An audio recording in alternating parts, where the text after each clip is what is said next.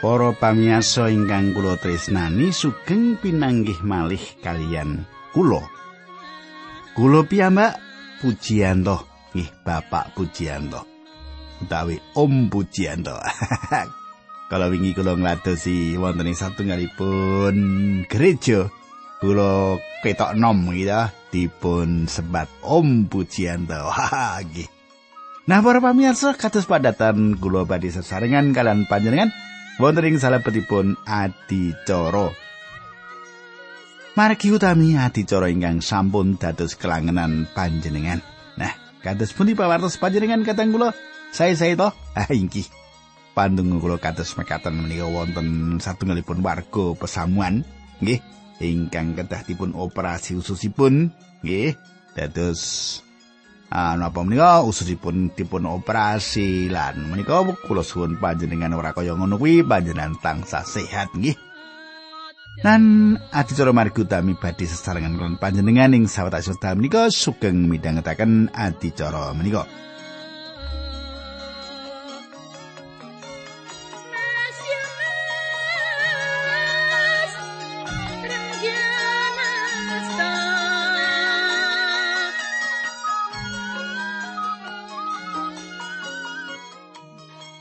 Katang kula, kula badhe ngaturaken sekedhik menapa ingkang kula aturaken duk nalika pepanggen kepengker.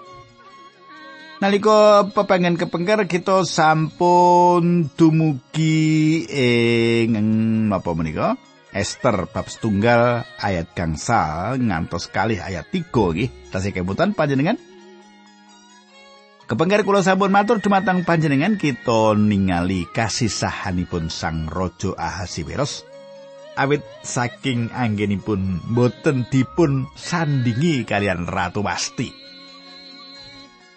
Lan para pradosipun ngusulaken supados nglempakaken para kenya ing salebetipun benteng Susan. Dados dipun nglempakaken wonten ing lebetipun benteng Susan saking sedaya daerah. dipun datengaken makaten nggih mangke dados prameswari. Nah, Para pamirsa, monggo kita tumungkul kita ndedonga rumiyin saderengipun kula lajengaken. Dukane Rama ing swarga kawula ngaturaken gunging panuwun menawi wekdal menika kawula saged tetunggilan kalian sedherek kawula ingkang setya tuhu midhangetaken adicara menika. Kawula nyuwun Gusti berkahi Gusti mitulungi lan kawula nyuwun supados Gusti jangkung kawula sami lan berkahi ing adicara menika linambaran asmanipun Gusti Yesus Kristus kawula ndedonga haleluya. Amin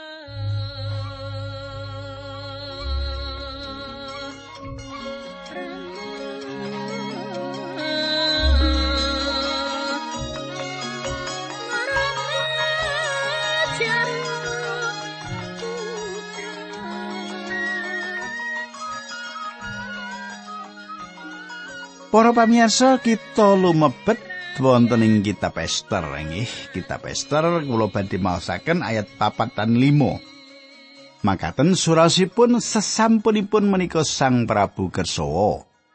Milih putri pundi ingkang dipun renani piyambak putri menika kadadosna prameswari lintunipun Ratu Asti. Sang Prabu rujuk karo usul mau nuli ditindakake. Ing kutha Susan kono ana wong Yahudi jenenge Mordekai bin Yair. Wong mau tedhaki Kis lan Simei saka taler Benyamin. Kadang kula Cariyo sing salebetipun kitab Esther ngantos perangan menika nembe perangan pambuka. Kita pikantuk kegambaran kekaitan kalian kedaton kapir. Kita pikantuk kegambaran kekayutan kalian kedaton kapir. Kita sampun dipun tepangaken lelampahan-lelampahan kangge satunggalipun tujuan tartamtu inggih menika satunggalipun pagelaran ayu-ayunan ingkang dados jalaran Esther minggah dampar. Inggih menika menika menika kontes kecantikan ngeten nggih. Inggih awit Esther dados ratu pramila piyambakipun saged ngaturaken sumbang surung kangge makili bangsanipun mangke. Menawi Esther boten nglenggahi kalenggan ratu saged ugi bangsa Israel sampun dipun sirnakaken. Kita badhe ngatosaken kados pundi astanipun Allah wonten ing salebetipun lelampahan ingkang dumados ing kraton. Kadang kula ngantos dumugi sapriki mboten wonten ingkang bobot rohani ing salebetipun kedaton menika. Kahananipun babar pindah mboten nedahaken bilih kedaton menika tepang kalian Gusti. Pesta mendem-mendeman asring dumados, nanging Gusti Allah tetep kagungan panguwas Gusti Allah ngatur ing salebetipun lampahan-lampahan kanthi mekaten ing medal ingkang pas. Panjenenganipun badhe paring dawuh tiang kangge cawe-cawe minangka dados wakil umat kagunganipun.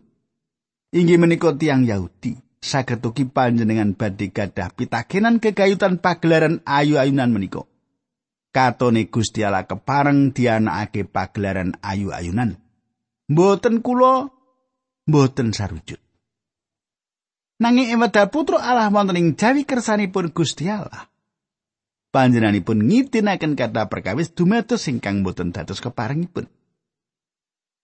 Gusti Allah badhe ngetingalaken panguwasipun lumantar lelampahan-lelampahan menika. Panguwasipun Gusti Allah ingkang ngatur satunggalipun wucalan-wucalan ingkang penting ing salebetipun kitab Ester ingkang alit menika. Jaman samenika kathah tiang Kristen ingkang gesang wonten ing saenjawinipun kersanipun Gusti Allah. Tiang-tiang menika mboten gesang ing salebetipun kersanipun Allah. Nanging Gusti Allah nuntun tiang-tiang menika ing salebetipun pangreksanipun. Esther dados conto ing perkawis menika. Sayetosipun cados kita kawiwiti saking tiang Yahudi ingkang naminipun Mordekai. Piyambakipun asalipun saking taler Benyamin pun anggota keluarga kerajaan Israel. pun asalipun saking keluarga Saul. Ayat 6. Mordekai ditawan nalika Yerusalem ditelokake dening Nebukadnezar raja Babel nggone ditawan mau bareng karo Yoyakin raja Yehuda lan isih akeh maneh barengani. Kadang kula Gusti Allah sampun ngidinaken umat kagunganipun wangsul dhateng negarinipun piyambak. Kados ingkang sampun dipun weca, panjenenganipun lumantar Nabi Yesaya, koresi, sampun maringi putusan ingkang ngidinaken bangsa Yahudi wangsul lan bangsa Yahudi menika wonten ing salebetipun kersanipun Gusti menawi wonten ing Palestina. Nanging namung sakedhik ingkang wangsul dhateng papan kelahiranipun.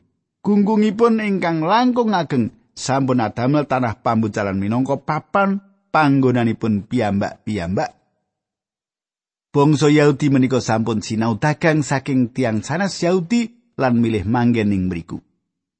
Bangsa Israel menika remen manggen ing mriku, e wedal bangsa menika saged nilar negari menika, bangsa menika mboten gadah kekajengan wangsul dateng tanah tumpah raipun.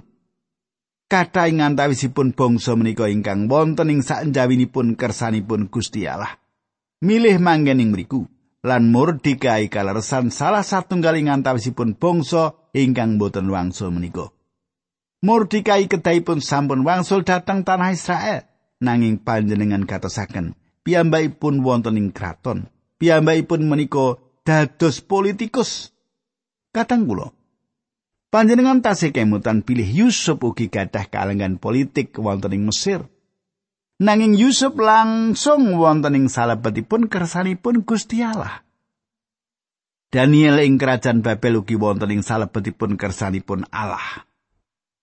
Nanging Mordekai mboten langsung wonten ing salebetipun kersanipun Gusti Allah. Kitab Ester inggih menika satunggal kitab ingkang nyariosaken kegayutan pangreksanipun Gusti Allah. Kados ingkang sampun kula aturaken, pangreksanipun Allah inggih menika kados pundi Gusti Allah nuntun tiang ingkang wonten ing derajat nomor kalih. lan tiang ingkang naminipun Mordekai menika badhe dipun beto wangsul. Sinau piyambakipun wonten ing sanjawinipun kersanipun Gusti Allah lan sinau piyambakipun boten budidaya pados pitulungan dumateng Gusti Allah. Malah ing wekdal panjenenganipun gadah gagasan pilih Mordekai lan umatipun badhe mertobat dumateng Gusti Allah, bangsa menika boten nindakaken mekaten menika. Mboten wonten babar pindah dipun sebataken Gusti Allah utawi donga ing kitab menika awit tiang-tiang menika panci wonten ing sakjawinipun kersanipun Gusti Allah. Katang kula. Sae Mordekai ugi Esther mlebet ing kitab suci ing salebetipun cahya ingkang mleret. Sinaosa Mordekai lan Esther menika pribadi-pribadi ingkang gadah kalengan inggil kados ingkang badhe kita semak ing cariyosipun tiang kalih menika. Mordekai dipun beto dados tawanan ing jaman pambucalan ingkang kaping kalih. Menika dumados ing jaman pemerintahan Yekonia utawi langkung misuwur dipun sebat Yoyakin. Mordekai wonten ing salebetipun golongan menika. Mordekai gadah keponakan nem ingkang tiang sepuhipun sampun dipun pejahi ewedal Nebukadnezar nglenggai kita menika. Awit kathah tiang ingkang dipun pecahi ing wekdal semanten. Ayat pitu. Mordekai mau duwe keponakan perawan ayu sing pawakane lencir jenenge Esther, iya disebut Hadasa. Esther mau bocah lolo lan dipek anak dening Mordekai dirumati kaya anake dhewe. Kadang kula nami Ibrani Esther inggih menika Hadasa, ingkang liripun inggih menika lintang. Piyambakipun tentu kemawon satunggalipun lintang lan wanita ingkang saestu ayu kados ingkang kasrat ing kitab suci. Mordekai ngangkat dados larinipun piyambak ingkang dados modalipun inggih menika anggenipun ayu rupinipun. Ewedal pengumuman dipun lantaraken bilih badhe wonten pilihan wanita ingkang angel ratu enggal kangge Ahasiweros. Mordekai lajeng kasengsem. Kalengganipun ing salebetipun kraton nyukani wewengan ningali kenya ingkang benten kabanding kenya ingkang sak kerajaan wetah. Supados nderek pagelaran ayu-ayunan menika kontes kecantikan menika. Piyambakipun sampun yakin lan bandingaken kalian kenya ingkang sanes pilih putri angkatipun inggih menika Esther ayu piyambak mboten wonten ingkang bandingi. Ayat 8 lan 9. Bareng dawe Sang Prabu diumumake akeh prawan ing Susan sing diklumpukake klebu go Ester. Dheweke digawa menyang kedaton lan dipasrahake marang Hegai sing ngepalani kaputren. Bareng weruh Ester, Hegai gumun banget lan seneng karo bocah mau. Ester inggal-inggal diupakara lan diweni pangan mirunggan supaya tambah ayune. Ester dilih kamar keputren sing apik dhewe lan diparingi rewang perawan pitu sing nyambut gawe cekat-ceket saka kedatone Sang Prabu. Kadang kula Panjenengan saged ningali pilih pangreksanipun Gusti Allah makaryo wonten ing kahanan ingkang kados mekaten. Mordekai mbeto keponakanipun ingkang tasih enem ingkang naminipun Esther menika nglebeti gelaran ayu-ayunan menika. Kontes kecantikan menika. Ewedal menika kula gadah anggapan Mordekai menika remen awit menapa ingkang dipun tindakaken. Ing wiwitanipun Mordekai mboten bangun turut dumateng Gusti Allah. Gusti Allah sampun paring dawuh dumateng umat kagunganipun supados mboten ningkah campur kalian tiang kafir. Mordekai cetha sampun ra angger-anggeripun Musa kanthi nglebetaken Esther dateng gelaran ayu-ayunan kanthi tujuan supados Esther saged ngentosi kalenggan ratu. Para kenya ingkang mboten menanging gelaran menika badhe dados seliripun sang raja menawi Esther kemawon piyambakan badhe dipun peksa dados salinipun sang raja lan Mordekai nekat nyangga risiko makaten menika. Kadang kula kita saged nyemak Gusti Allah ngendhaleni ing salebetipun kahanan ingkang kados makaten menika. Esther dipun beto dhateng keraton raja. Esther ngremenaken Hegai para wanita ingkang jagi. Esther nampeni kesainan saking Hegai, lan Hegai nyukani samukawis ingkang dipun betahaken Esther. Lan dipun toto supados saged langkung ayu malih. Ayat sedoso. Esther netepi piwilenge Mordekai dipenging kondo yen dheweke kuwi wong Yahudi. Kadang kula emut. Bilih tiang Yahudi inggih menika satunggalipun bangsa tawanan lan tiang ingkang sengit dumateng tiang Yahudi dados laknat kangge bangsa-bangsa ing jagat menika. Panjenengan boten saged mangertos laporan Nebukadnezar kegayutan anggenipun ngrisak kita Yerusalem tanpa rumaos sangenipun sengit dumateng bangsa menika. Inggih piyambakipun ingkang beto bangsa menika dateng Babel. Nanging Nebukadnezar mboten malih gadah panguwas lan bangsa sanes sampun nguasani bangsa Yahudi menika. Nanging patrap sengit dumateng bangsa Yahudi menika tetep wonten kemawon. Mordekai ingkang saestu gadah panggraita ingkang landhep perkawis menika ngemutaken Esther supados mboten ngatingalaken menawi piyambakipun menika bangsa Yahudi. Nanging ing wekdal Mordekai lan Esther mboten ngakeni pilih piyambakipun bangsa Yahudi ing wekdal menika sayatosipun Esther lan Mordekai ugi mboten ngakeni agaminipun. Kanthi tetep mboten nindakaken menapa-menapa ing negari pambucalan pramila tiang-tiang Yahudi menika wonten ing sakjawinipun kersanipun Gusti Allah. Ing wekdal kita wonten ing sakjawinipun kersanipun Gusti Allah katang kula pramila kita mboten badhe kathah nyukani paseksi kegayutan iman kita kegayutan Sang Kristus. Ayat 11. Mordikai saben dina mlaku-mlaku ing taman sing ana ing ngarepe kaputren mau supaya krungu kabar bab kaanani Ester lan kepriye nasibe. Kadang kula, e medal panjenengan wonten ing sanjawinipun kersanipun Gusti Allah, panjenengan saged kemawon sumende ing kasunyatan bilih Gusti Allah ingkang dados jalaran samukais makaryo sesarengan kalian kita supados ngasilaken kasainan kangge kita. Mordekai mboten sumende dumateng Allah awit piyambakipun wonten ing sanjawinipun kersanipun Gusti Allah. Mordekai mboten jenjem piyambakipun ing batas kathah pitakenan. Menapa piyambakipun mboten nindakaken kalapatan ingkang sanget kegayutan anggenipun nglebetaken Esther wonten ing gelaran ayu-ayunan menika? Piyambakipun saestu ajri kegayutan kalian menapa ingkang dipun tindakaken. Mordekai saestu kuatos. Piyambakipun mboten saged tilem sedalu muput. Inggih menika kahanan ingkang dipun lampahi Mordekai. Ing wedal panjenengan wonten ing sakjawinipun kersanipun Gusti Allah, panjenengan langkung sumindhe ing kurmatipun panjenengan lan sanjang samukawis badhe sae-sae kemawon. Ing wedal menika Mordekai dereng lan panci mboten kuwowo masrahaken badanipun ing astanipun Gusti Allah. Kula mboten yakin bilih Mordekai mangertos menapa kemawon kekayutan pangreksanipun Gusti Allah. Nanging Gusti Allah ingkang kagungan panguwas ing babagan menika. Katang kula menapa panjenengan tasih emut kegayutan pangertosan kula kegayutan pangreksanipun Gusti Allah. Pangreksanipun Gusti Allah inggih menika caranipun Gusti Allah nuntun tiang-tiang ingkang boten purun dipun tuntun. Kita ningali Gusti Allah wiwit makarya lan lumebet ing kahanan ingkang mligi menika. Rak satunggalipun kalersan bilih dumateng Esther dipun paringi satunggalipun papan ingkang utami lan dumateng Esther dipun paringi samukais kesainan lan tetimbangan. Mboten-mboten kaleresan tumrapipun Gusti Allah. Panjenengan gatosaken pilih pambu didaya supados nambahi ayu menika terus katindakaken. Ayat 12. Mitro tatanan ing kono prawan-prawan mau diupakara kaendahe ing rupane suwene taun Nem sasi awake diborei nganggo lenga karo menyan lan nem sasi meneh diborei nganggo lenga dicampur karo wangen-wangen liyane. Sawise mengkono saben perawan giliran disowanake Sang Prabu Ahasiweros. Kadang kula menawi semah panjenengan nelasaken jam-jam wonten ing salon.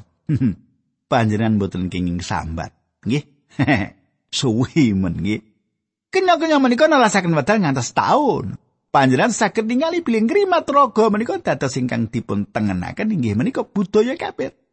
Lan kanthi tambah-tambah angenipun ngrimat bab ayuning warni menika badhe nguciwani menawi pambudidaya menika mboten ngasilaken kados ingkang kita kajengaken.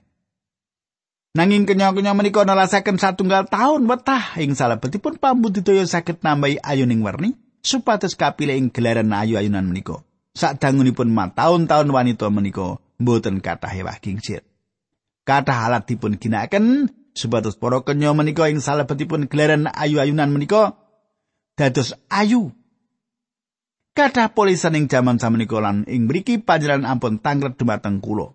Kedahipun Esther nderek gelaran menika menapa mboten? Kadang kula saged ugi manut kula Esther mboten kedahipun nderek gelaran ayu-ayunan menika. Lan menawi makaten mboten perlu dipun borai lan maneka werni. Wonten saperangan tiang Kristen ingkang ekstrem kekayutan ngginakaken cara nambahi ayu utawi make up. Wonten tiang yang kadangkepan beliau tiang Kristen boten kenging ngginakaken make up. Malah wonten ingkang nate nangretaken dumateng kula. Menapa wanita Kristen kenging ngginakaken make up? Kula atur wangsulan, "Yo, gumantung marang wanitane mau." Ana kang rumangsa kebantu kanthi nggunakaken lan aku pikir dheweke kudu mbudidaya saapi-apike gegayutan. Apa kang wis diparingake Gusti Allah? Ya to. Nggunakake makeup setitik bakal nambahi kepenaking disawang kanggo wanita ya to. Kadang kula ing perkawis sastra menika Gusti Allah ngidinaken perkawis menika dumados lumantar pangreksanipun. Mlebetipun Esther ing gelaran ayu-ayunan menika lan anggenipun dipun tampi dening para ingkang jagi sedaya menika awit dipun dawi Gusti Allah. Hegai tukang jagi para kenya menika gadah pikiran Esther ketinggal badhe dados kenya ingkang mimpang. Dados Hegai menika mapani puring papan ingkang ngajeng piyambak. Menapa ingkang kedadosan menika selaras kalian rancangan Allah. Lan menika mboten satunggalipun kalersan pangreksanipun Gusti Allah nguwaosi gesangipun Esther. Nah, para pamirsa samenika ayat 13 ngantos 18. Samosa arep ngadep Sang Prabu prawan mau kena manganggo apa wae sing disenengi. Prawan mau digawa menyang kedaton ing wayah bengi lan esuke digawa menyang keputren liyani. Ana ing kono diurus dening saagas abdi sing ngurusi para slire Sang Prabu. Prawan mau saterusé ora bakal ngadep marang Sang Prabu meneh kejaba yen dikersakake dening Sang Prabu lan ditimbali karo nyebut jenengi. Kadang kula sak sampunipun nyiapaken sak dangunipun setunggal taun dumugi titi mangsanipun para kenya menika lumebet kamar raja gegayutan kalian perkawis menika Esther nampeni menapa kemawon ingkang dipun kajengaken. Kados to kain lenan utawi perhiasan mutiara. Mboten dangu salajengipun giliranipun Esther ingkang sowan sang raja. Esther ngginakaken wewengan ingkang ngedapi-dapi menika Menawi Esther mboten mimpang piyambakipun badhe dados salah satunggal selir raja Persia ingkang sampun temtu kemawon satunggalipun perkawis ingkang gegrisi kangenipun satunggalipun kenya Yahudi. Inggih menika sebabipun Mordekai mboten jenjem piyambakipun mangertos tiang-tiang menika wonten ing sakjawinipun kersanipun Allah lan piyambakipun mangertos resiko ingkang badhe nempuh keponakanipun ingkang sampun dipun agengaken. Nanging Gusti Allah ingkang badhe ngatur samukawis. Ayat kang sawas. Kecerita Esther oleh giliran ngadep sang Prabu. Esther kuwi anake Abihail, Mordekai sing mupu Esther kuwi pamani. Esther dirumat kaya anake dhewe. Saben wong gumun ndeleng ayune bocah wadon mau. Nalika ngadep sang Prabu, Esther menganggu manut pituduh lan pamarayogane Hegai, punggawa kedaton sing ngepalani keputren. Katang kula, Emedal tumugi kiliran Esther sowaning sang raja dipun tetepaken beli Esther namung ngendelaken ayuning alami mboten ngangge bureh-bureh. Esther sampun ayu lan saestu nyeng. Saben tiang ingkang ningali badhe sanjang ya iki kang menang. Guayanipun nglangkungi sedaya kenya ingkang nderek gelaran ayu-ayunan menika. Menapa astanipun Allah makarya? Inggih, Gusti Allah makarya lumantar pangreksanipun panjenenganipun mapanaken Esther ing dampar ing sisihipun raja awit menawi piyambakipun boten lenggah ing mriku sedaya umat Yahudi badhe dipun sirnakaken. Menawi perkawis menika dumados Gusti Allah badhe nerak pangandikanipun piyambak lan Gusti Allah mboten nate nindakaken. Kadang kula monggo kita tumungkul kita sigek krimian dilajengaken dinten candhaipun sok dina tandane aja ngantek jenengan ora mirengaken nggih. luwih gayeng. nah, para pamirsa monggo kita tumungkul kita ndedonga. Duh Kanjeng Rama swarga kawula ngaturaken gunging panuwun wekdal menika kawula saged tetunggilan kalian sederek-sederek kawula. Kawula pasrahaken wonten ing asta paduka. Sedaya derek kawula paduka berkahi linambaran asmanipun Gusti Yesus Kristus kawula ndedonga. Haleluya. Amin.